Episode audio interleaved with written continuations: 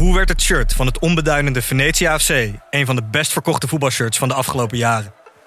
Wat is er zo geniaal aan de MLS-deal van David Beckham? En waarom vinden we het normaal dat jeugdspelers gezien worden als investeringsobjecten? In de podcast Grof Geld onderzoek ik, Sam van Raalte, voetbaljournalist, samen met merkstratege Per van der Brink de macht van geld in de voetbalwereld. Wat gaat er schuil achter de wereld van sport en glamour? En wie profiteert er? Luister naar Grof Geld en hoor hoe de Skybox de staantribune beïnvloedt. Vind je deze podcast leuk? Beluister dan ook de podcast Goudspraak. Ik ben Minkeboy. Als voormalig tophockeyster weet ik hoe Olympisch goud voelt. In de openhartige podcast Goudspraak praat ik met sporticonen die straks in Parijs voor het hoogste podium gaan. Over de weg naar goud. Beluister nu de podcast Goudspraak. Dit programma wordt mede mogelijk gemaakt door Toto. Wat nu? Hoe zien jullie de komende weken voor jullie? Is dat een beetje bijkomen? Is dat toch een zwart gat dat jullie zien eh, verschijnen? Kerstfilms, serieus. Hele slechte kerstfilms. And uh, there used to be a ballpark where the field was warm and green. And the people played Goedemorgen, dit is aflevering, Pelle? 103. 103. Ja. Ja. Nou ja, ik wil eigenlijk gelijk met jou beginnen. Henk Spaan, Thomas Herman van Vos. eh Frans Vermezen was het ook alweer? Ja. Hij zei zo even naar je naam. ja, dat heb ik dus vroeg. En ik ben slecht, eh slecht gehumeurd. Wel een goed hotel geslapen trouwens in eh, Amsterdam. Hè? Ja, zeker in de Vizo-straat. Heerlijk. Oh, daar. Heerlijk Ja. hotel. Maar goed, Henk, had je nazorg nodig? Nee, absoluut niet. Ik eh, vond eh, de wedstrijd zo verschrikkelijk goed en meeslepend. En, Ho, ho, ho, ho. De eerste 80 minuten moet jij diep, diep ontgoocheld zijn. Nee, nee, ik dacht eh, de Argentijnen eh, worden bevoordeeld. Eh, dat dacht ik wel, want ze mogen alle overtredingen maken die de Fransen niet mogen maken.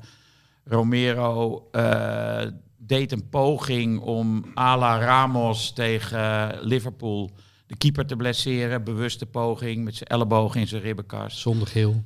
Zonder geel. Dus ik dacht, dit is gewoon gelopen koers. En Infantino straalt. Totdat eh, later in de wedstrijd de scheidsrechter die hensbal eh, met een penalty bestrafte. Toen dacht ik, nou, hij is toch niet eh, omgekocht. Ehm, maar wat me wel tegenviel was dat de Fransen hadden niet de energie en de agressiviteit die de Argentijnen wel hadden. Dus dat was in het begin zo. Bovendien had Scaloni een geweldige opstelling neergezet. Eh 4-3-3 gespeeld in tegenstelling tot de rest van het toernooi. Di Maria op de, op de linkerflank. Die Fransen hadden geen idee wat ze daarmee moesten aanvangen. Toen kwam de wissel van Deschamps, vijf minuten voor rust. Perfecte wissel. Eh, Echt waar? ja, twee hele verse... Twee aanvallers voor twee aanvallers. twee goede, Als je 2-0 verse, achter staat. twee goede verse Vind aanvallers ik niet zo moedig. bracht hij. En eh, Scaloni die wisselde toen echt advocaat Bosveld Robben. Eh, een kwartier na rust haalde Di Maria eraf. Verreweg hun gevaarlijkste man voorin. Nou Ja. ja, was op, Henk. hè? Hij was geblesseerd geweest. wie? Die Maria. Ziyech is ook wel eens geblesseerd geweest. Die laten ze ook staan. Modric laten ze ook staan. Dus ik dacht, dit is gewoon een verkeerde wissel. En inderdaad, Bras- eh, eh, eh, Frankrijk kwam in de wedstrijd. Frans, wat hoor jij in de woorden van Henk Spaan? Is het al verwerkt? Ik merk Nou, toch nog als je over de scheidsrechter begint, dan, dan zit je toch niet goed. Nee. Is nog niet helemaal verwerkt. nee, want als Frankrijk zo superieur... Want jij hebt de hele toernooi gezegd... Frankrijk spelen uitgekookt, afgewogen. Die doen geen stap te veel. Die weten precies hoe ze moeten winnen. Als je dan dankzij de scheidsrechter met 2-0 achterkomt... wat je nu een beetje suggereert... dan, dan heb je het toch niet helemaal goed eh, uitgedokterd. Nou, want dat verga- hele ik- toernooi... Sorry, ik ver- nee, ik heb Scaloni geroemd. Ja. Had een geweldig team neergezet. Maar ja. Messi, Messi nog niet. Je bent nu vijf minuten bezig. ja. En het woord Messi is nog niet gevallen. Nee, omdat Mbappé gewoon duidelijk beter was. Weet je, ze wonnen alle persoonlijke duels. Ze, ze, ze hadden die voorchecks de hele tijd. Ze kwamen heel fel op het middenveld. Het Zeker. zogenaamde briljante middenveld hè, van, van Zeker. Frankrijk werd gewoon door die, door die bloedhonden van Messi, die, de Paul en eh McAllister, moet je zeggen, geloof ik. Overlopen. Ja, Ja. En, en elke keer doken ze erop en eh, ze kwamen nauwelijks over de middenlijn. En Dat kun je niet aan de scheidsrechter wijten. Dat is, Weet je wat, we gaan Thomas, eh, eh, een, toch een leeftijdsgenoot van Messi. Hoe oud ben jij? Ik ben 32. Iets jonger. Eh, wil jij wat eh, mooie woorden spreken over Lionel Messi, die wereldwijd geroemd wordt en aan deze tafel nog, nog niet voorbij is gekomen? Nou, ik zit eigenlijk een beetje in kamp Henk. Ik was ook, eh, mijn sympathie lag ook bij de Fransen, of in ieder geval mijn antipathie bij de Argentijnen. En ehm, eh, Argentinië won helaas echt wel terecht. En dat eh, had met he- heel veel dingen te maken. En ook wel met wat, wat Frans net zegt, hoe fel ze waren. Dus ik, ik dacht ook al de eerste tien minuten, zoveel kleine overtredingen. Ik dacht, wat, wat, hebben die, wat hebben die gebruikt? Ze leken gewoon simpelweg gemotiveerder. En Deschamps na afloop had hij het nog over griep. hè, Trok hij er nog als een soort halfslachtig excuus erbij. Terwijl ik juist dacht, ze zijn aan het begin zo slecht. Dus volgens mij, als je griep hebt gehad, dan, dan, dan zak je geleidelijk weg. Nou, Frankrijk begon heel slecht. Nou ja, en eh, dan toch eh, eh, Messi roemen. Zonder hem hadden ze dit uiteraard nooit gewonnen. En ik heb die eerste wedstrijd tegen Saoedi, moest ik nog af en toe aan denken. Toen was het wat onbeholpen Argentinië, heel kwetsbaar. Ik heb het idee dat ze zich daarna nog veel meer aan Messi hebben opgetrokken. Maar die penalty-rits die hij kreeg, ongeveer iedere wedstrijd één... Ja, dat vond ik ook zo irritant om naar te kijken. Ik werd daar ook weer heel zagrijnig van. En die 2-0 maar was prachtig. gewoon gehaakt. Dat is gewoon Nee, de twee is of drie keer. Ik, heb, ik keek naar die Engelsen, die waren er ook. Die zijn meestal niet te flauw, hè? De, die Rio Ferdinand en zo. Die waren ervan overtuigd dat de penalty was. Dus hier, hier begint hij, geeft hij tikje tegen de kuit. Hier nog een keer en hier houdt hij nog zijn voet tegen zijn enkel. Dus hij wordt in, in een trapsgewijs met hele kleine tikjes. En, Het kan ook, Ook- wel een lichte strafschop zijn, maar dan blijft een penalty, zeker ook als je een VAR hebt, en dat is typisch een aanvaller die verdedigt. En zeker Dembélé die alles, ontzettend alles intuïtief doet. En geen, eh, geen slimme verdediging. De actie is Wat was die slecht? De slechtste man op het veld, Ja, met ja, afstand. Ja, ja, ja. Alles dom. verkeerd. Hij is ook vooral een domme voetballer. Ja. Als hij prachtig gaat eh, slalommen en zo, hij weet nooit waar hij uitkomt. nee, Hij doet maar wat. nee. En die, Colom, die, die zei, die ik zei dat Colomuani, gisteren dat is toch ook, beter. van hij moet eens een keer eh, opstaan, die Dembele. Ja. Hij valt tegen, gewoon. Maar jongens, ik vind het nog altijd te mager. Niet dat ik nou zo'n Argentinië-fan ben geweest dit toernooi.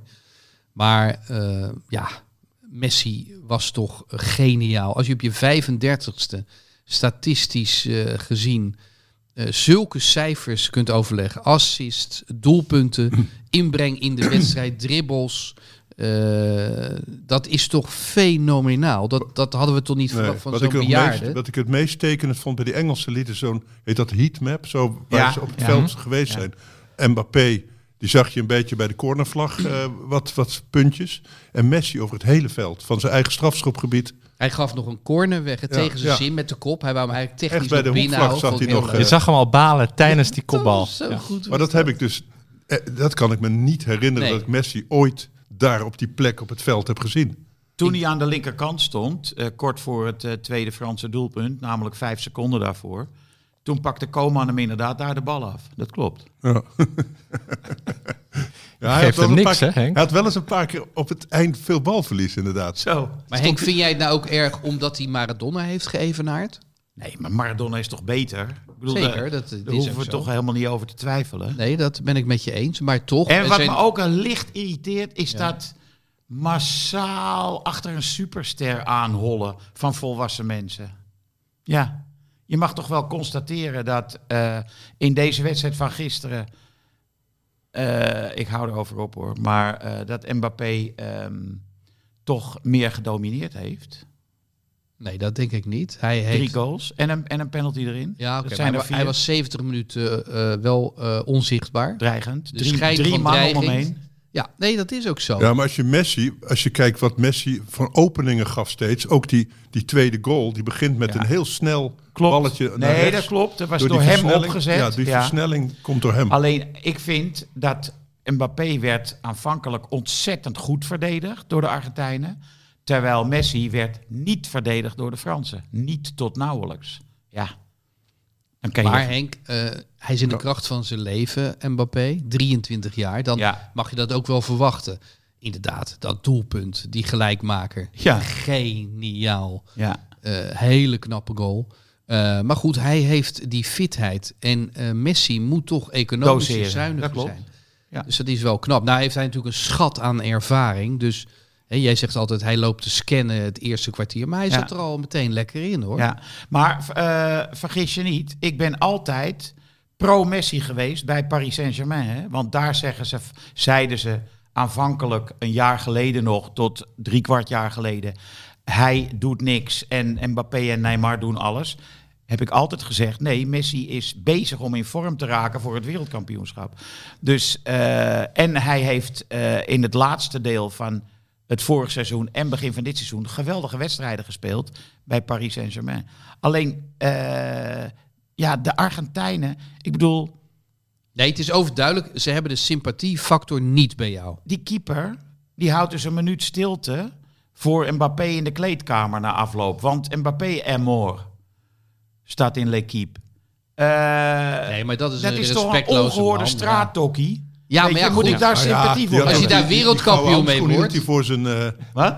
die gouden handschoen die hield hij voor zijn kruis ook toen. Ja, nou ja, het Nee, gewoon, het is, eh, daar wil je toch niet mee eh, geassocieerd Ja, maar nou ga ik toch een gewetensvraag stellen. Als wij zo Nee. wereldkampioen kunnen worden, Nou, dan zeg je toch van voor één keer oké? Ik ben Meteen, daar, ik ben daar- meteen. Ja, toch? En die redding van Martinez in de laatste minuut, het was een fenomenale redding, nog los van zijn penalty. Nee, ik moet is- dit allemaal toegeven. Het is een schoft. Het is echt een schoft. Hè, wat, wat voor woorden heb jij allemaal niet aan de Argentijnen gegeven? Dit, die 2K. Je was flink op dreef. Ja, maar het Ben hoort je nog, toch... ben je nog iets vergeten? Nee, nee, strafrechtelijke termen misschien, maar verder. Nee, het is, nee, ik- zij hebben dat toernooi toch in brand gestoken. En dat, dat, dat moet, zou ik maar zeggen. Anders krijg je dat geschuiven gedoe wat je normaal in die finales krijgt. En eigenlijk, ik wacht toch op het moment, dat weet Hugo natuurlijk beter, wanneer Louis uiteindelijk de regie gaat opeisen van deze hele WK. dat hij heeft gezien dat wij het niet konden, maar dat hij wel wist hè, dat, hoe hij de ware wereldkampioen moest motiveren. En hij heeft, eh, hij heeft er toch voor gezorgd, voor de ommekeer bij, eh, bij, Bij Argentinië, ja. En toen werden ze de, de zogenaamde underdog en iedereen was tegen hun. En, en dat hebben ze inderdaad doorgetrokken tot na de finale, tot eh, het in de kleedkamer. Zij zijn eigenlijk, hè, iedere hele wereld denkt dat zij via omkoping eh, hè, eh, de scheidsrechters achter zich hebben gekregen. Maar zelf vinden ze het, het omgekeerde, dat ze het echt het lelijke eentje zijn geweest van het toernooi. Dat ze, Ja, ze hebben, ze hebben alles en iedereen tot vijand verklaard. En dat rechtvaardigde schoppen, intimideren. eh, en ook nog eh, eh, bij tijd en welle goed voetballen. Ja, maar Ik ik, vind het gek, wel- want ik hoor, ik was de enige bij ons thuis die voor Argentinië was. Want iedereen, en ik heb, eh, ja, hier ook, niemand is vo- volgens mij in Nederland voor Argentinië. Nou, dat wel zeg. Ja, nu, Bij- ja, bij als de NOS winnen, hebben ze vier weken lang Frankrijk lopen bashen. Oh, ja. Nee, is niet waar. Arman Afseroglu was in zijn radiocommentaar anti-Argentinië. Oh ja, maar ik heb het over de analisten bij. eh, oh, je dat? Ja. Maar ja, Nee. God, we moeten één ding vaststellen. Topfinale, geweldige wedstrijd. Eh, mede dankzij Messi en mede dankzij Mbappé. En eh, ja, er valt eigenlijk op die wedstrijd helemaal niks af te dingen. Ik had ook echt enorm vrede met de uitslag op het laatst. Want ik had een geweldige finale gezien. Ehm, jij hebt heel wat WK-finales eh, meegemaakt. Ja. Staat hij op één? Nou, dat, eh, dat kan je pas over een week, nu op dit moment waarschijnlijk wel. Maar als, als je dit allemaal hebt laten bezinken over een week, dan doet 1970 mee. En eh, natuurlijk 86 ook. Weet je, eh, de finale Italië-Frankrijk 2006 doet natuurlijk ook mee. Qua spectaculair. Thomas, eh, hoeveel finales heb jij bewust meegemaakt? Nou, we hadden het er zaterdag, Henk en ik, in de podcast over. En toen eh, zei ik nog eh, dat, dat finales in mijn leven, ik ben geboren in 1990, vaak oninteressant zijn. En oh, daar moest jij ik zei gisteren, 98, zei je. Hè? Dat was mijn eerste. Ja, en dit was met afstand de leukste, spectaculairste en levendigste die ik ooit heb meegemaakt. En juist doordat Frankrijk in de eerste, ik geloof 78 minuten geen schot tussen de palen had. Juist dat het zo ontzettend kansloos leek. Ik gaf er ook helemaal geen stuiver meer voor. Dat maakte natuurlijk die, die, die terugkeer zo glorieus. En eh, ja, ik veerde ook helemaal op. en ik had eigenlijk ook wat Henk had, dat het me helemaal op het einde kon het me minder schelen dan tijdens de reguliere speeltijd. Het was zo sensationeel. En ik, ik vroeg me wel nog af, Deschamps, heeft die nou gefaald? Moest hij zijn eigen, eh, ja, moest hij verkeerde keuzes repareren met die vroege wissels? Er werd heel veel gewisseld natuurlijk. nou, Kunnen kijk, dat zeggen? Dembélé was natuurlijk Terecht. slechter dan verwacht. Maar wel het hele toernooi al echt slecht. Ja, matig, maar gisteren echt eh, verschrikkelijk. En Giroud, die kon het ook niet eh, belopen, hè? Dus dat die werd gewisseld, vond ik... eh, en die gast die viel geweldig in, die Moa- Muami. Ja. Maar Giroud werd ook niet bereikt. Want volgens mij, ik heb- ben geen tactisch licht. Maar konden die centrale verdedigers ook nauwelijks een paas kwijt eh, aan middenvelders van Frankrijk of aanvallers van Frankrijk. Dat stond gewoon helemaal vast. Volgens mij was dat wel een tactisch foefje. Ja, ik, ik eh, had het idee dat Argentinië hij niet stond tactisch meedeed. ook. geweldig. Ik dacht ook dat eerst Rabiot, pas toen die gewisseld werd, dacht ik, oh ja, die, die deed ook mee. Ja. Ah, weet je wie ook slecht was? De hele rechterkant deed dus eigenlijk niet mee. Want Koundé, die leek wel alsof hij een soort eh, psychische instorting beleefde. Totale meltdown. Want die, die maakte fouten. Echt hele rare fouten. Ja, terwijl die, dat je je zou denken met Di Maria aan die kant zit je goed met zo'n Henta is eigenlijk centrale verdediger dat die, Oh, die die wel afstopt. jongens. Die Maria. Die Maria was geweldig. Ja. Echt geweldig. En die liep daarna. Wij vonden Weghorst een huilenbalk. Maar heb je gezien hoeveel hij gehuild heeft? Oh, na die goal. Maar dat vond ik zo Tijdens de lief. wedstrijd. Ja, Ja. Maar al die boeven de- zaten te huilen, hè? Dat is Ja, ook wel mooi. Ja. dat vond ik echt heel mooi. Ja. Martinez, onze Martinez van Ajax, zat ook te huilen. Oh, onze Martinez ook? Ja. Ook- ja. Tranen met tuiten. ja. ja, ze huilden bij de 3-2 geloof ik. Nou, Van vreugde. toen ze weer bij de huilden de 3-3. hele Ja, toen toen 2-2 Oh ja, werd ook ja. voor Ja. verdriet en van... Ja, eh, ja, van Toen dachten ze, nu gaat het fout. ja. Maar we kunnen wel vaststellen dat eh, het huilen heeft eh, het voetballen overgenomen zoals het al 40 jaar lang het wielrennen eh, domineert. Kneteman, hè, kennen we. Nou iedereen huilt. Ja. Al win je een etappe in de Ster van Bessège, dan gaan ze huilend over de meet. Ik bedoel, eh, dat hoort bij het wielrennen, in mijn beleving. Maar nu het voetballen ook. Zou Louis van Gaal gehuild hebben? Ja, Louis huilt vaak. Ja. Louis Hugo is een- schudt zijn hoofd. Nee, ik denk niet dat hij hier... Ik denk dat hij wel ontzettend teleurgesteld Nou, is. niet om de nederlaag op zich, maar huilen doet hij gewoon elke dag, denk ik. Nee, maar dit was voor hem natuurlijk wel de laatste mogelijkheid. Waarschijnlijk. Om- Nou, de Belgen lonken alweer naar hem, hè? Ja, ja, ik zou het erg leuk vinden trouwens. Het, eh, het is op zijn lijf geschreven als je, alle, als je de profielschets eh, ziet. Eh, en dan blijft hij lekker dichtbij en dan krijgen we allemaal mee. Heerlijk lijkt me dat. Hij heeft al gezegd, knokken vindt hij een eh, prima woonplaats. Dat kan. Ja, want hij woont in eh Huis ter Duin, dus knokken ook een badplaats. Ja. Ik, zocht, ik zocht eens op Kolo Muani. Ik, ik bedoel, ik, ik had hem nog nooit gezien hoor, want ik kijk geen eh, Bundesliga. Mijn zoon zei dat hij, met, dat hij bij Eintracht inderdaad, Ja, eh, dat klopt. hem was opgevallen. Maar vijf goals en tien assists dit seizoen, vanaf eh, september, augustus. Dus dat is echt wel, eh, die was al een beetje ontketend.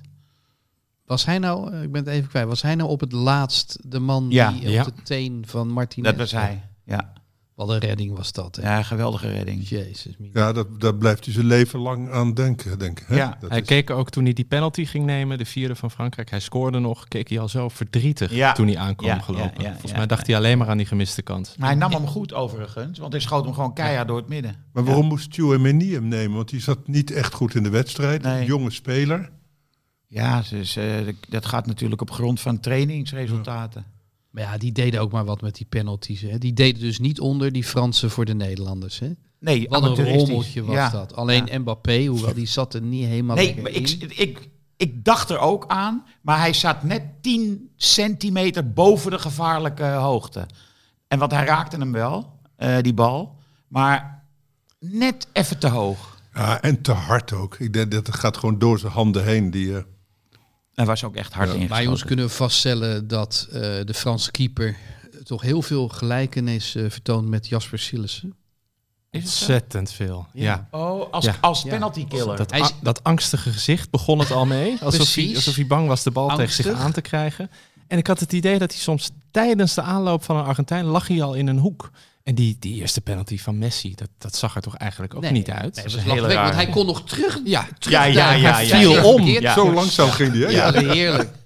Een etterige strafschop, zeg. maar die Nee, had er nooit één gepakt. Nee, maar dat was nou goed geweest als de Franse coach Gewisseld. die had vervangen. Want Ja. zijn cijfers zijn gewoon niet goed. Nee, en ook, maar hij keepte dus wel een hele goede wedstrijd. Ik vind het een van de beste keepers van het toernooi. hij hem. heeft... eh, Maar geen penalty nee. killer. Nee, hij heeft, maar hij heeft twee of drie echt hele moeilijke reddingen gedaan. Eh, oh, dat schot van Messi Ja, op het einde van de Nee, reguliere ging speeltijd. wel door het midden, maar Ja, heel hard, keihard. vlak onder de lat. Hè? Ja. Ja.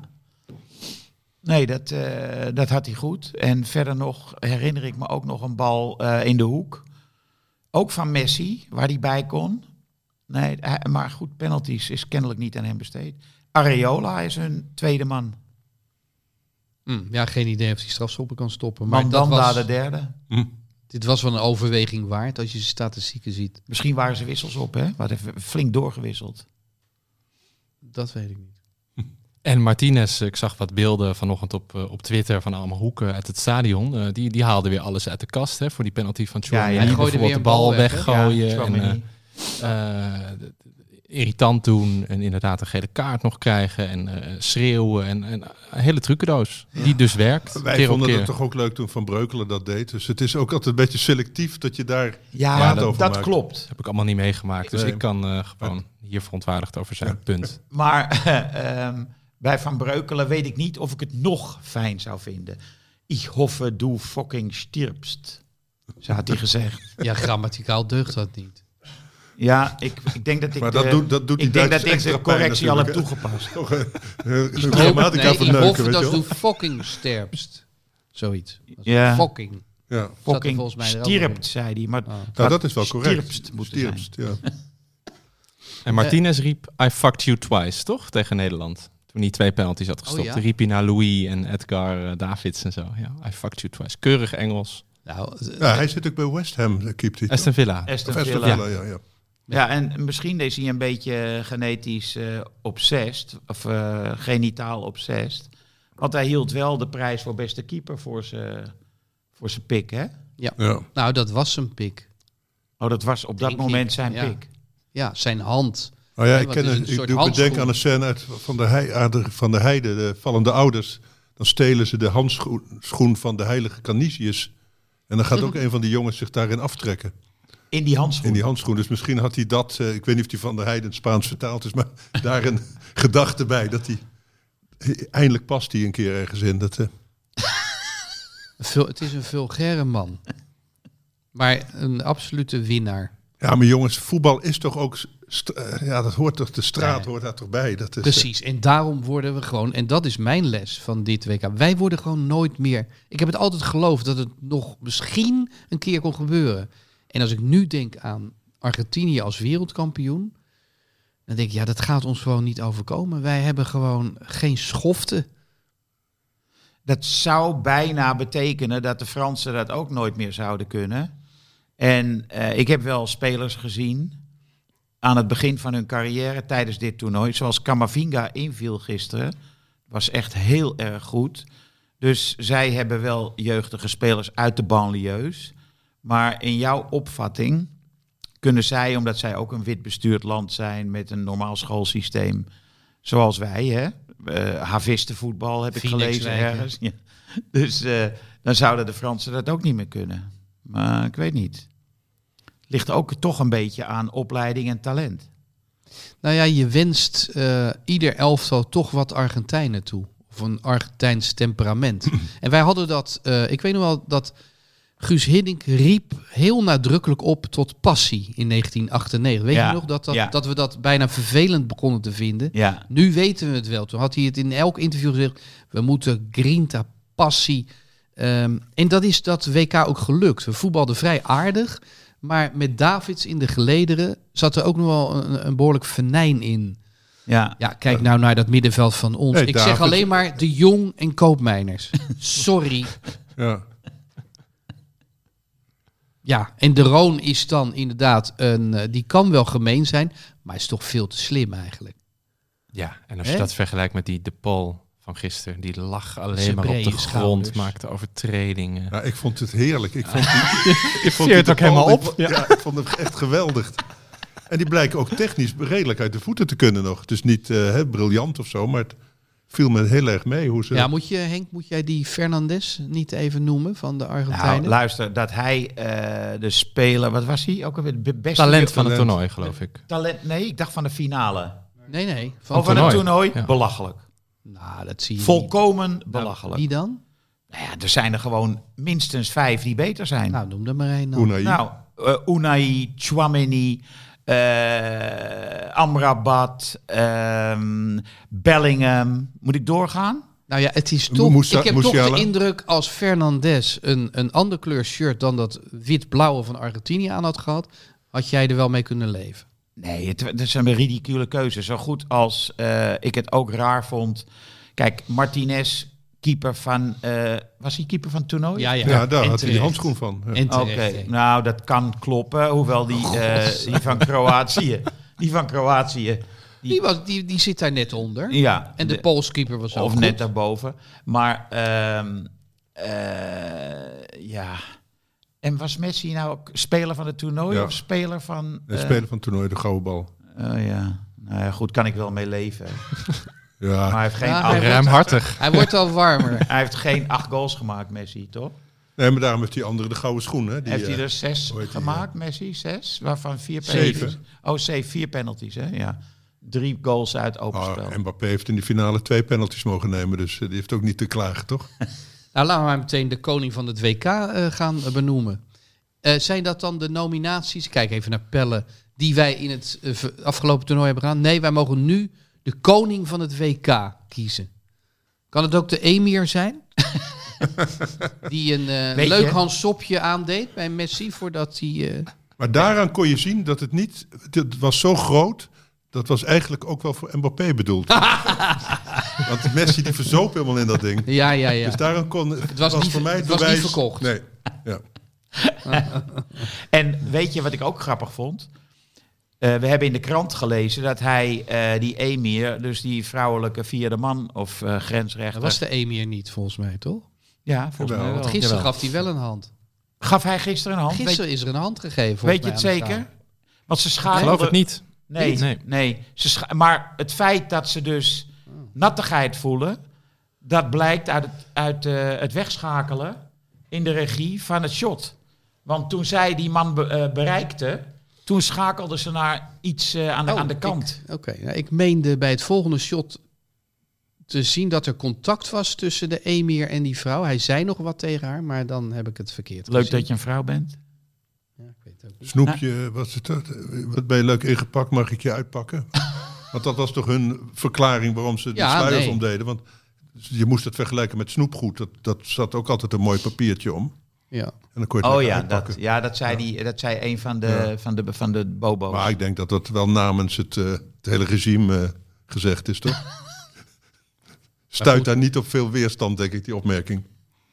ja, komen we tot 2030, Saudi-Arabië, komt zo op de koning van het toernooi, Pelle.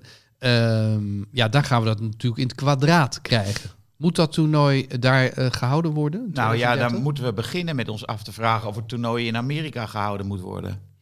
Waar de moet je eens op, moet je eens- wat denk jij? 2026. Komt daar opschudding omdat bijvoorbeeld daar de doodstraf wordt uitgevoerd Nee. en bestaat? Nee. Omdat er dagelijks moordzuchtig politiegeweld is met aanhoudingen van alleen maar zwarte Amerikanen. Abortuswetgeving wordt helemaal teruggedraaid naar nul. Abortus is moord. Eh, structurele discriminatie op de arbeidsmarkt van zwarte, van Mexicanen, et cetera. Is wel heel wat op mensenrechten in Amerika aan te merken. Maar ik Heb denk- jij dit besproken met je dochter? Deze discussie? Nee, helemaal niet. Had ik, had ik, ik zie die discussie voor me. Nee, nee, nee, nee. Maar ik denk, kijk, dat er toch weinig opschudding zal zijn. Want Amerika is nou eenmaal een wit land en geen Arabisch land. En dat dat het grote verschil is met eh, bijvoorbeeld Qatar. Thomas? Nou, als je Infantino gisteren zag, eerst naast die emir die geen hand eh, gaf aan die vrouw, daar keek hij al een beetje schaapachtig en verlekkerd bij. En vervolgens toen hij de bokaal aan Messi uitreikte, keek hij ook zo ontzettend gelukzalig, maar ook een beetje alsof hij dacht dat Messi die, die trofee weer terug zou geven. Alsof Infantino ook gekroond zou worden. het is zo'n megalomane, eh, we hebben het allemaal hier al gezegd, maar je moet het soms toch ook even herhalen Blijven benoemen. eh, corrupte, eh, ja, losgeslagen narcist. Dat, dat spat er vanaf. Dat gaat natuurlijk in 2030 in Saoedi-Arabië plaatsvinden, volgens in mij. Dus combinatie met Egypte Ja. en Griekenland. Er is- er is geen twijfel. continenten. Ja. geen enkele En, twijfel. eh, en gesteund door Messi, die 25 miljoen per jaar vangt van de Saoedi's. Niet te vergeten, deze sympathieke Argentijn. Eh, Ja. Dus eh, Ja, maar volgens mij zijn er ontzettend veel voetballers hebben hun ziel eraan verkocht. Want ik kijk wel eens naar Al, Al Jazeera. Dan zie je die aardige Pirlo met zijn wijngaartje. En, eh, Ja, die, heb ik ook gezien. Ja. Qatar is more than football, zegt hij dan. Ja, ik denk, wat dan? Eh, dus eh, bouwvakkers van stellingen gooien en eh, uit laten drogen. Wat bedoelt hij daarmee? Maar dan zie je dus allemaal duizend en één nachtachtige eh, orientalisme. Hè, Nou zie je ja, dan. je kunt wel zeggen dat al die topvoetballers die best goed hebben verdiend en die dan stoppen, ofwel uit angst voor een zwart gat en een lege portemonnee, zich heel snel aansluiten bij fout geld uit het Midden-Oosten. Ja, en het is natuurlijk, ja, al de voetbalclubs zijn er al door, me- me- van doordezemd van dat geld Ja. wat daar vandaan komt. Dus dan moet je echt het hele voetbal gaan zuiveren en weer amateursport of zoiets eh, van gaan ja, maken. want dan eh, mag, eh, mogen bepaalde... Moet elke nieuwe eigenaar van een club moet getoetst worden aan onze normen en waarden. Hè? Dat, Ja. dat zou dan moeten gebeuren. Wat bijna onmogelijk is natuurlijk. Maar Frans, wat, wat Henk net zegt, hè, 2026 eh, gaan we het doen in Mexico, Canada en de Verenigde Staten. Ehm, moeten we daarvan zeggen van, is dat wel kosher? Nee, want dan had je bij terugwerkende kracht Brazilië, is ook een totaal Rusland. verrot land hè, qua corruptie. Dus eigenlijk Rusland. moeten we die discussie Dus dan lang- vergeten. nee. moeten we dan ook tegen Saudi-Arabië zeggen van... ja, nou ja, so be it. Nou, ze hebben ergens een punt dat het selectief is. Dat Ja. de verontwaardiging extreem groot is bij Qatar. Omdat het Arabieren zijn. Omdat het Arabieren zijn. Dat, dat moet ermee te maken hebben. Want China hebben we en bij Sochi hè, nauwelijks iets gehoord, weet je wel. En eh, schaatsen, alles doen we daar. Dus, maar als ik dan zeg van... eh, we moeten deze discussie helemaal opgeven.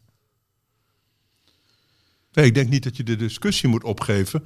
En je kunt ook wel besluiten om er niet heen te gaan. Je zou best kunnen zeggen, wij met eh, Europese landen. En dan kom je uit bij Denemarken, Engeland, Duitsland, nog een paar. Wij doen niet meer mee. Ja, dan doen de zes niet mee. Nee. Dat Nou, Willem Visser, kom je schreef. Willem Visser schreef daar wel één interessante zin over vanmorgen. Dan stappen de voetballers, ook als eh, meerdere landen uit de FIFA zouden gaan. Hij zei, dan kan je erop wachten dat voetballers naar de rechter stappen. Om dat te toetsen. Om, omdat hun iets onthouden wordt aan... eh, Geld ja. namelijk. Ja. Dus dat, eh, er zijn eh, meerdere aspecten aan dit alles. Ja, dan zou het dus alleen kunnen als de regering het verbiedt. Hè, dus de, de, de regeringen van die landen zeggen wij, wij geven die bonden geen toestemming om. eh, maar dat Nou, doen nee, ze de- ook De nooit. bond kan het ook zeggen natuurlijk. Ja, want wij, wij rijden wel op die benzine, zou ik maar zeggen, uit die landen. Dus het is ook een beetje gek. We stoken onze huizen ermee warm. Dat Ja. we dan zo selectief die voetballers daarvoor. Maar ik krijg ook de indruk, stellen. als je Gijs de Jong van de KNVB hoort, dat hij het ook heeft opgegeven. En, en dat wij gewoon met z'n allen, ook Engeland en Duitsland en Scandinavië, wij gaan gewoon, als in 2030 daar gevoetbald wordt, wij gaan daar voetballen. En dat gaan ze natuurlijk doen onder het mom van, we kunnen er beter naartoe gaan, dan kunnen we daar... Dan kunnen we laten zien hoe groot onze Dat. beschaving is. Ja. Ja, waarvan we hebben gezien dat dat dus niet gebeurt. Want zodra de FIFA dan een blokkade oplegt, of als er geen politieke statements mogen worden gedaan, nou ja, dan schikken we ons in ons rol. Dus dat gebeurt ook niet. En bovendien leidt het af. Dat is ook nog eens zo. Voetballers moeten zich focussen. En ehm, ja, die gaan dat ook niet meer doen. Want Maar ik denk wel dat er een verschil is tussen, eh, in regimes tussen Qatar en Saoedi-Arabië. Saoedi-Arabië, daar is de kroonprins een moordenaar die eh, een, een eh, journalist in eh, duizend stukjes heeft gehakt. in de versnipperaar, ja. En eh, ik zie... Ik, ik in Amerika overigens door het Hoge Gerechtshof, wat was er ook weer uitgekomen exact? Hij mag, hij is eh, dat je onschendbaar bent. Die Khashoggi, Nee, die, die prins. Nee, die, ja, Khashoggi was Ja. vermoord, maar die prins, maar die, dat is... eh, die mag gewoon Amerika Oh, inreizen Salman nu. nog wat, hè? Ja, ja. Die mag nu Amerika inreizen. Dus om omdat hij aan te diplomatiek dat- onschendbaar Ja, is. Ja. ja. Ja. Maar goed, het regime in Saoedi-Arabië is erger dan Qatar natuurlijk. Ja. Ik bedoel, eh, ik ben niet zo op de hoogte, maar mogen in Ik Qatar heb de indruk dat Thomas nieuws heeft. Nou, nee, niet, eh, ni- niks heet van de naald. Maar toen we het net over, de, het is eigenlijk één stap terug. Maar ik las vanochtend in Trouw, komt er een, eh, een, iemand aan het woord, die, anoniem, een Afrikaanse eh, arbeider, die aan al die stadions in Qatar heeft meegewerkt, omdat we het daar net over hadden. Ik vond het toch in een paar kernachtige zinnen, eh, ja, sprak het wel tot mijn verbeelding. En ehm, als toevoeging bij de WK-evaluatie dacht ik, eh, ik lees het voor. Dus anonieme arbeider, die heeft... eh, overdag iedere dag gewerkt. En dan, ik heb alleen wat flarden van de finale op mijn telefoon kunnen zien. Een kaartje kostte mij een maand salaris. De Europeanen werden de afgelopen vier weken als goden behandeld. Onze omstandigheden zijn onveranderd. Daarom keken wij niet naar de WK-wedstrijden. Hetzelfde slechte salaris, dezelfde uitbuiting, dezelfde somberheid. Infantino die zei dat hij zich een migrant voelde. Hij heeft geen idee.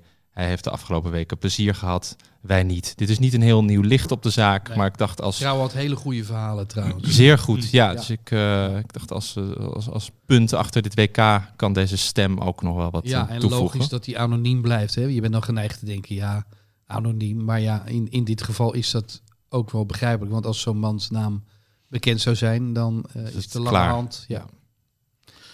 Afgezien hiervan, eh, het is natuurlijk. Ja, er wordt wel vaak gezegd. Nu zeggen ze opeens de wat linkse verslaggevers. ehm, ja, eh, het aantal doden eh, zal altijd wel onduidelijk blijven. Dat was natuurlijk in 2014 helemaal niet zo. En in de jaren daarna, want toen was het volkomen duidelijk dat het heel veel doden bij de stadionbouw waren gevallen.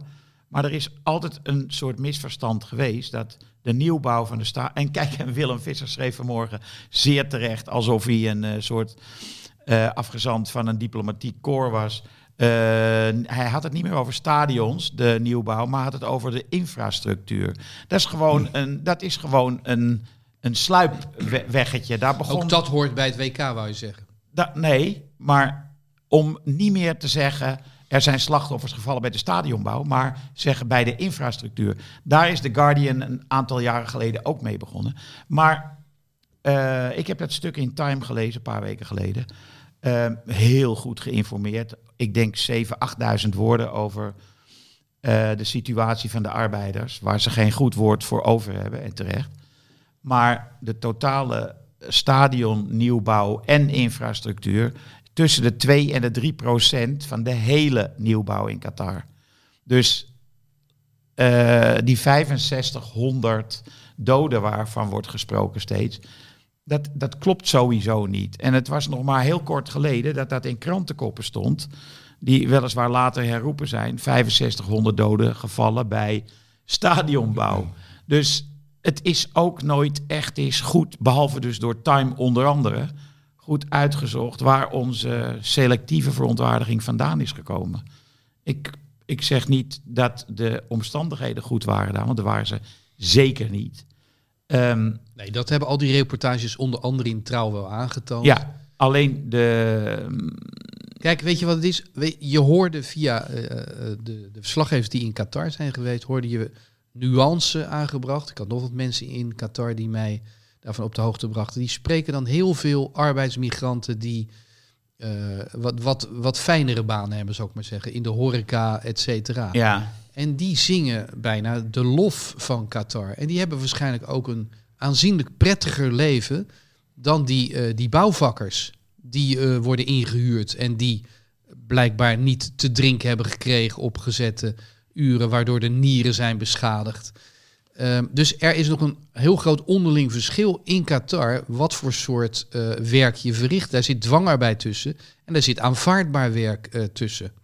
Dus het is ook een heel genuanceerde eh, discussie eigenlijk. En ja maar het grote nooit- probleem is, Henk, de cijfers zijn er niet. Want als je gaat noteren wie er doodgaat, ja, waar is hij aan overleden? Ja, dat kun je niet meer toetsen. Wat dat betreft, die Amerikaanse journalist die is overleden op de tribune. Hoe heette die ook weer? Sean? Dat was een, een man die Ja, voor Sports weet- Illustrated heeft gewerkt. ja, Heel beroemde Amerikaanse Kaan of zo heet hij. journalist. Ja. Misschien wil Pelle het even opzoeken. Hij eh, had een hartinfarct. Hè? Ja, dat hebben ze onderzocht. En zijn vrouw heeft nu ook bekendgemaakt, want er waren heel veel samenzweringstheorieën dat hij om zeep geholpen zou zijn door Ja. FIFA of Qatar. Maar eh, zijn vrouw heeft verklaard dat, die zelf arts, dat bij de, de autopsie is gebleken dat hij een, eh, een scheuring van de slagader heeft eh, gehad. Aneurysme. Ja. Dat is een... oh, Ja. Ja. En dus daar is helemaal niets eh, eh, dubieus aan. Want deze kerel die had onwaarschijnlijk eh, Grand Wall. Grand Wall, ja. ja. Die had onwaarschijnlijk fel gereageerd op eh, wat er allemaal in Qatar mis was. En hij had een, een- met een regenboog eh, shirt was hij geweigerd bij Nederland-Senegal. Heeft hij een half uur eh, van gemist met veel uh, hoer. Ehm, ja, hij was zeg maar behoorlijk tekeer aan het gaan eh, tegen dit eh, WK. En toen kwamen al die samenzweringstheorieën bovendrijven. Omdat hij natuurlijk op de perstribune eh, rond het doelpunt van. Weghorst... ehm, kijk even naar Frans, misschien heb jij daar nog wat toevoeging eh, op. Rond het doelpunt de 2-2 van Weghorst eh, overleed. Nou ja, goed. Heeft u hem wel nog gezien? Of? Hij heeft hem nog ja, gezien. hij ja. heeft- zijn laatste tweet was iets in de richting van eh, ongelooflijk eh, wat er nu eh, gebeurt. Wat een draaiing van de wedstrijd. Ja, en Ja. daarna he- heeft Ik hij denk het dan wel gelegd. dat hij in de hemel komt. Dankzij de Wout. gebeden van Wout en zijn eh, bijbelvrienden. Ja. Ja, daar hebben we weinig meer van gehoord, hè, de Bijbelclub. Nou ja, ze waarschijnlijk zijn ze retraite nu in een klooster of iets eh, tot zichzelf aan het komen. Bezige groetjes biddend. En, eh, Zouden zij, hè, want dat, dat doe je als je in een Bijbelclubje zit, zouden zij bij zichzelf te raden zijn gegaan, hebben wij het goed aangepakt bij de penaltyreeks? Maar je kan niet en in een bijbelclub zitten en terugschoppen tegen Argentijnen. Dat, Nee, dat, kan niet. Nee, maar daarom. Dat is, dat is met elkaar in tegenspraak. Maar hebben zij samen gezeten? Je moet zelfs bij de Argentijnen je andere wang toekeren. Nou, dat hoef je bij Romero maar één keer te doen en je hebt, en je hebt hem weer te pakken. op je andere wang ook nog Ja, een keer. hè? tuurlijk. Wat moeten we verder nog zeggen, jongens, over dit WK? Eh, de koning hebben we nog niet bepaald, hè? Nee. De koning van het WK, ja, dat is eh, ingewikkeld. Eh, Je mag even wachten. Frans? Thomas? Rob is wat? Frans zegt Messi. Ja, kijk, als je, als je- het, dat soort bekroning heeft altijd met ook aantal overwinningen te maken. Want je kunt niet iemand gaan bekronen die in de, in de poolfase eruit is Ja, je gegaan. zou er hele aparte regels op kunnen nahouden. Dat je kijkt naar eh, je iemand kan niet die... Dumfries noemen, bedoel je? Nee, maar die had ik zo- Nee, sowieso niet. Hoe, hoe je erop komt ineens. Nou, Henk doet er alles aan om het Messi niet te laten. Liever Dumfries dan Die Messi. gaat met Dumfries komen Nou, daar. het is wel een moeilijke keuze. Ja, dus, Maar Frans, jij zegt Messi, hè? ja, zonder enige twijfel, ja. Ja. ja. Ja, die is natuurlijk de koning van het WK. En mijn persoonlijke koning is dan ook nog Amrabat. Omdat ik die zo fenomenaal goed vond.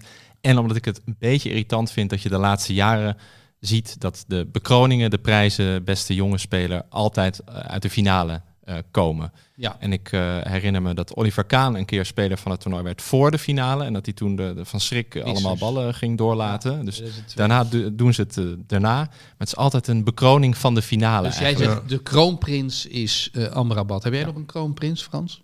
Ehm, ja, dan, dan ben ik, ga ik, volg ik Henk, dan zeg ik Griezmann. Griezmann, die was wel in die finale onzichtbaar. Maar Ja. die heeft natuurlijk in het toernooi eh, zich ook van een eh ongeëvenaarde manier eh, kant laten zien. Ik zeg eh, Mbappé, ehm, omdat hij geen 25 miljoen per jaar van eh, het Saoedische bewind krijgt. Dat moet je misschien nog wel even controleren. En, om, nee, en omdat hij, en omdat hij eh, heel actief is in het jeugdwerk in de banlieue. Waar hij eh, zich bemoeit met eh, kinderen die op straat voetballen en dergelijke. Ja, maar dat doet Messi toch vast ook? Messi? Wat denk je zelf? Nee, zeker niet. maar dat komt ook omdat Messi een middenklasse jongen is. En eh Mbappé natuurlijk eh, uit de banlieue zelf komt. Nee, eh, ja, die komt uit de banlieue, Bondi. Maar hij is actief op maatschappelijk gebied. En ehm, als Messi dat ook wordt, dan zou ik hem tot koning van het toernooi verkiezen. En nu is het Mbappé. Oké. En de kroonprins? Amrabat genoemd. Ja, de kroonprins. ehm tjee, dat is echt heel... Bellingham, zou ik zeggen. Oh, kroonprins de Jonge, moet dat een jong talent zijn? Ja, Ja, of eh, ik, vond gisteren... Kijk, Camavinga die gaat binnenkort in de basis spelen van het Franse elftal... en gaat daar niet meer uit weg dan. Ja, dat kan ik ook zeggen. Maar dat is dan op basis van twee keer een half uur misschien een beetje eh, optimistisch. Ja, ik vond Bellingham wel een geweldige eh, middenvelder. Waarom als ik de, de, de, de naam van Ja? de toekomst zeg, ik Musiala. Dat, vond, Ook. dat is de nieuwe Messi ik zeg volgens mij. eh Unai. Zo leuk. ja, vond ik ook leuk. Zo Ja. leuk. ja, zie je, dan zie je hoe moeilijk het is. Want dan wil ik ook meteen zeggen, ja, ja, ja. Oké, daar komen we dan niet uit. Messi is het eh, geworden. Ehm, Ja, weet je, dat is ook dat je ermee naar buiten kan komen. Ja, Messi is onze koning van het toernooi. wordt Big dat een deal. persbericht, Pelle? Ja? Big deal. Nou, lang discussiëren. We hebben er een uur over gedaan. Maar het is toch Messi geworden, hè Henk? 3-1. Nou ja, ja, ik, eh, ja, ja, je kan bijna niet anders. ja. Nou ja, je zou à la Infantino gewoon kunnen zeggen van nee, het wordt Mbappé. Dat jij hier manifesteert als een soort Infantino. Ja. Jij, jij hebt de originele, de oudste rechten van hard gras. En dat je ook zo'n grote badjas meeneemt en dan eh, zo, zo een hard gras Maar badjas. weten wij wat de functie van de badjas is? Is het iets maatschappelijks? Is het cultureel? Is het religieus? Dat weten we niet, hè? Nee. Maar het Zijn zou we- wel goede reclame voor hard gras zijn. Als Mbappé met een hard gras badjas... eh, Nou, Ja, dat kan Henk wel regelen. Henk heeft goede contacten in Frankrijk. Die kan dat regelen, denk ik. Jij stopt altijd in Parijs. Ik stop zeker. Dan ben je heel dicht bij Mbappé. Op het scherm verschijnt nu dat de badjas de grootste eer in Qatar is. En ik las gisteren inderdaad al een paar keer dat... Oh, een soort ridder. badjas? Is geen ik badjas. zie het als badjas, ja. Een soort ridderorde. ja. Ja, het is een grote eer. nou? en daarna word je in een harem gemasseerd misschien ook nog. Hè? Met olie en... en eh, Dat zijn jouw fantasieën. Frans. In een harem met olieën. ja. Zeg Pelle. Er stond nog iets onder net. We hebben hier een groot scherm eh, achter Frans. Wie wint de eredivisie? Moeten Wie we dat nu al nee, zeggen? kom op, hé. Wie wint de Eredivisie? Wat is dit? nou, daar gaan we niet aan doen, hoor. Dat, dat schuiven we door. Ik kan dat Want- woord zelfs nog niet aan. Nee, lieve luisteraars, want we gaan... Oh ja, we moeten dus officieel een eh, vo- voorspelling doen. Maar dat wordt morgenavond, donderdagavond al gevoetbald, hè? Huh? City tegen... eh, is het Liverpool? Zitten die in de Eredivisie dan? Moet het eredivisie zijn? Ja. Nee, maar Pelle, dat gaan we niet doen, hoor. Groningen, we pakken de draad weer op, op. Wat is het, 7 januari? 8 januari? Nek 9 Ajax. januari. Nek Ajax. Wie wint Nek Ajax? Ja, echt. Zo altijd lastig, hoor. Nou, ik las vanmorgen, ik zat vanmorgen door de sport eh, heen te, te, te, swipen eh, op mijn iPad. En toen zag ik een bericht over schaatsen in Calgary. Ik denk, hè? Ja, is dit, nee, heb is jij dit niet een gezegd? hele oude krant of zoiets? Ik kwam schaatsen tegen eh, gisteren. Nee, maar Ja. ik denk, dat kan toch niet? Het, het, het gaat niet over het WK. Dus het kwam mij zo wereldvreemd over. Dat de Volkskrant dus een bericht... En, die, en ik, het was ook een naam waar ik nog nooit van gehoord had. Scherpenzeel of zoiets. Die verloor al meters bij de start. Ja, hoezo? Ja, er valt even stilte. Moet je uitkijken. Als dit Ja. 7 seconden duurt, dan word je eruit geknald. Hè? ja. Radio NPO 1, dan moet je Is uitkijken. Ja, 7 seconden. En dan, Weet je van zeven seconden Volgens wegwezen? mij word je dan gigantisch uitgeknald. Je moet hem stevig erop. Ah! Starten, ze- starten ze dan een muziekje? Ik heb geen idee, maar daar word je altijd voor gewaarschuwd. Gisteren eh, moest ik eh, tegelijkertijd met eh, Schut naar de wc. Maar dat kan niet, want je hebt altijd spookrijden. Dreigt altijd natuurlijk voorbij te komen. En dan Je deed langs de lijn en jullie hadden tegelijkertijd te veel plassen. cola of Ja. spa gedronken. Ja. En dat draaide een plaatje. Ja, ja, en dan... Maar als er een spookrijder zou zijn gekomen, dan was je de lul geweest.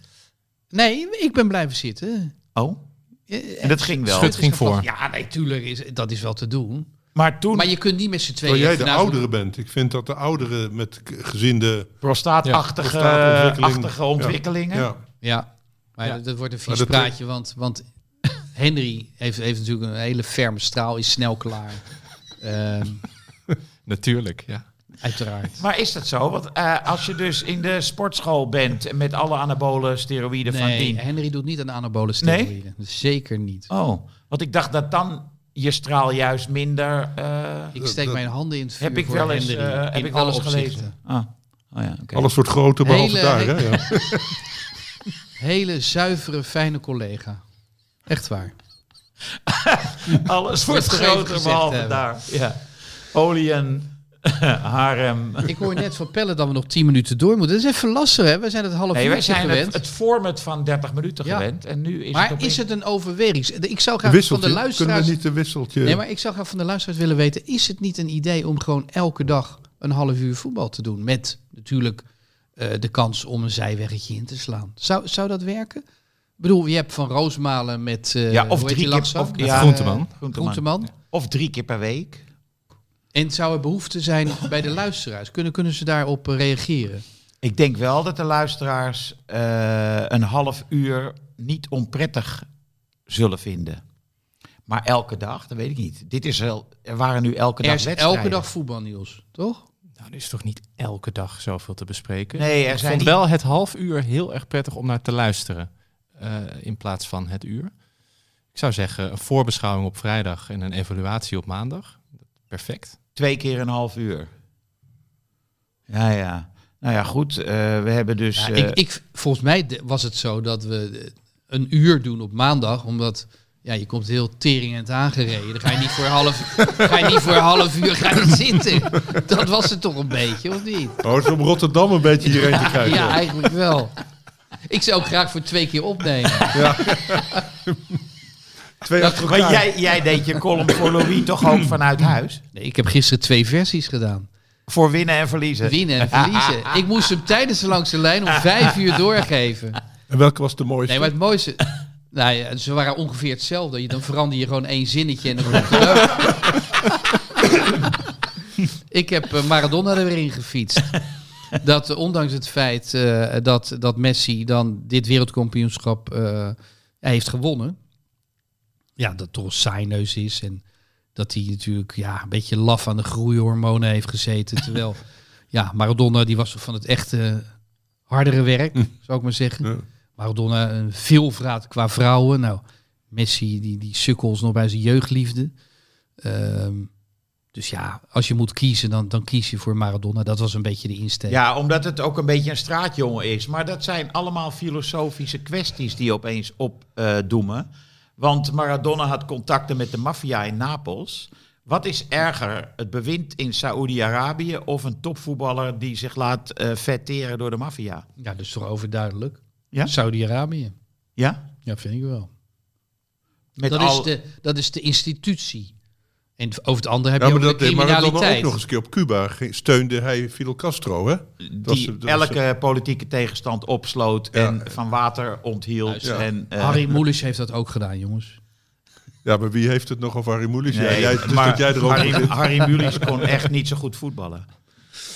Ik heb hem wel een keer in een voetbalwedstrijd gezien. Ik heb een foto wel ja, eens dat gezien. klopt. Hij heeft eh, meegedaan in de jaren 50 aan een wedstrijd. Ja, Ja. Ja, maar ook Remco Kampert, dan weet je ja, het wel. ja.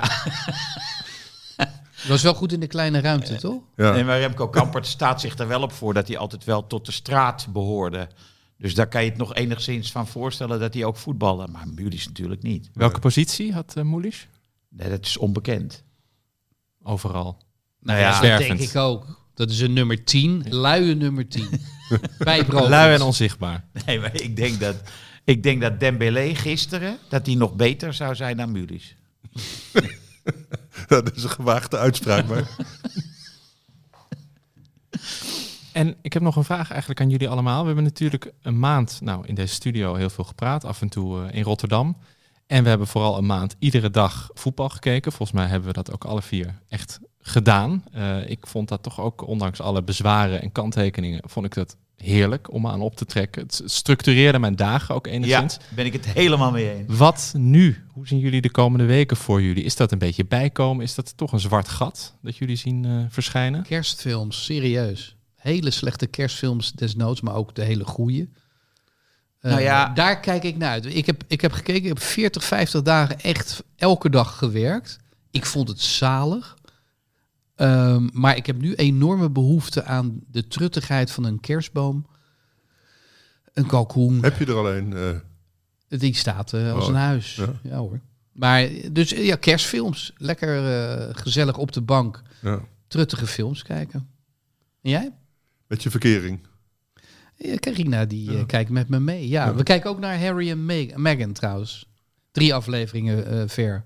Oh ja. Ik heb een groot zwak voor Meghan, moet ik eh, bekennen. Ja. Ik weet niet of, of ik gemanipuleerd word. Denk Heb je jij- dan heb jij aan olie en, olie alleen en flarden. massage? Zit daar ook iets met massage van Oliën. bij? Of?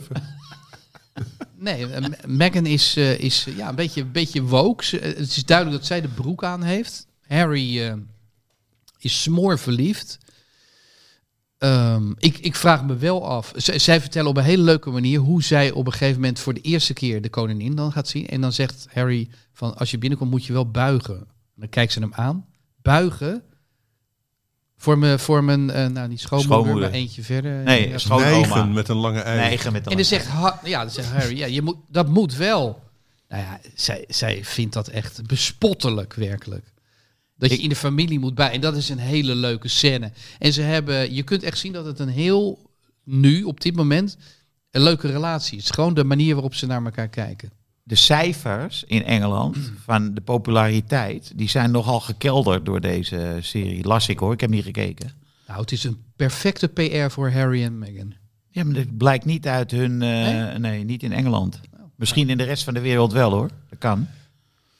Maar ik denk dat ze het daar toch ook als verraad zien.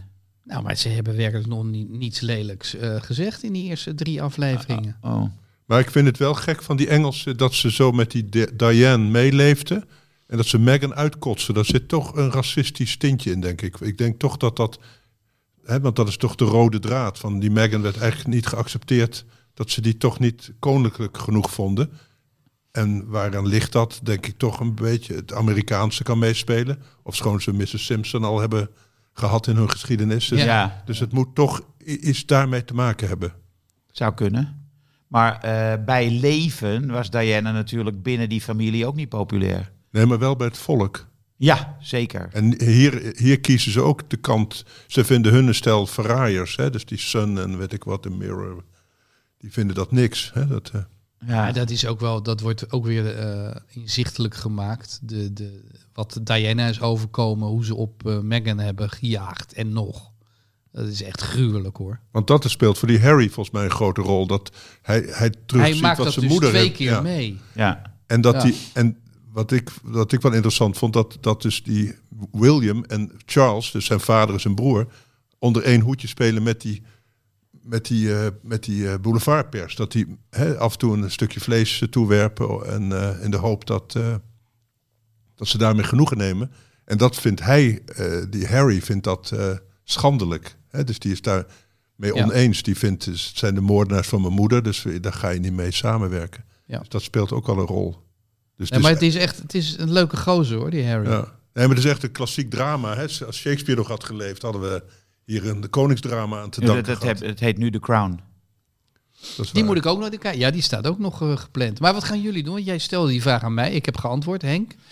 Eh, nou, ik heb een probleem. Ik ga overstappen van de ene zorgverzekeraar naar de andere. En daar moet ik, ja, administratie is blijven liggen vier Dat weken. is voor ons ook een goede sponsor. De zorgverzekeraar. We zijn allemaal op leeftijd. Maar ik ga dus overstappen. Oké, dus ik, zit al, ik zat al aan dat formulier. En eh, dan moet je dus invullen wat je, wat je wil. Nou, ik wil eh, een, eh, een modus, een module met heel veel fysiotherapeutische behandelingen. Ja, ja. Dat kan, moet je 40, 50 euro premie meer betalen. Maar mijn vrouw wil dat niet. Die wil gewoon normaal negen fysiotherapeutische behandelingen, vindt zij genoeg. Het lukt mij niet om, weliswaar lukt het me wel om twee personen in te vullen, Ja. maar niet om een verschil aan te brengen in de modules. En ja, daar ga Jullie ik moeten nu, uniform... ga ik, ja, ja, ja, daar ga ik me nu over buigen. Nou, als er eh, zorgverzekeraars kijken- luisteren... eh, Ja. Spaan heeft dus aparte eisen. Ja, En het voordeel is, hij heeft een gebitje volgens mij. Dus daar hoeft weinig aan gesleuteld te worden. En eh, ik ben bezig. De laatste aflevering moet ik nog zien van We Own This City. Oh, Geweldige serie. Echt geweldige serie. en welke city? Baltimore. Gaat over police brutality. Klinkt goed.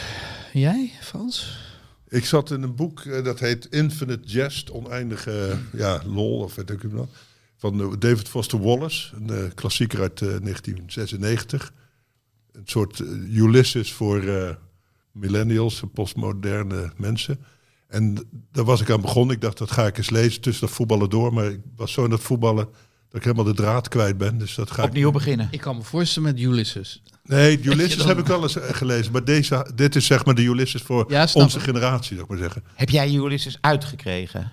Ja, ik vond het best een goed boek, als ik eerlijk ben. Ik 100 bladzijden. Oh, ja. Maar ik heb het wel gelezen met de annotated Ulysses. Dus een, Moet je steeds opzoeken wat er staat. concordantie. Ja, Ja. dan wordt het... eh, Ja. ja, het is wel, ik heb het wel aan een bureau gelezen. Dus net zoals mensen vroeger de Bijbel lazen. Dus het, Het, wa- was niet- een soort werk, ja. Niet in je het is bed. werk, ja. Het is maar geen nog eh, één keer, eh, de titel van het boek uit 1996. Infinite Jest van David Foster Wallace. Hij heeft helaas eh 2008 eh, zelfmoord gepleegd op Een 46. reden te meer om het te lezen. Thomas, ken jij het? Zeker. Ja, ik heb het niet gelezen, maar het is wel zo'n eh, naam die eh, heel vaak eh, wordt aangehaald. Een titel die... eh, het is een klassieker, toch wel? Ja, maar het is ook wel eens een boek wat door weinigen gelezen is en door velen eh, aangehaald. Ja. De beste boeken. ja. En door beste boeken en zo. Hè? Ja. Het, het- omdat je, het is ook Dat is beetje, wel jammer met boeken, dat je dan niet een samenvatting van een voetbalwedstrijd kun je natuurlijk eh, consumeren, maar met boeken, ja, Nee, je hebt de film, de- lezen. De, film. Maar ik kan hem echt, ook als film. sportliefhebbers kan ik die David Foster Wallace ook aanraden. Hij is, ik vind dat hij het mooiste sportessay ever geschreven heeft over, over Federer. Hij is zelf een verdienstelijke college tennisser geweest, dus een, een, een, een beginnende prof.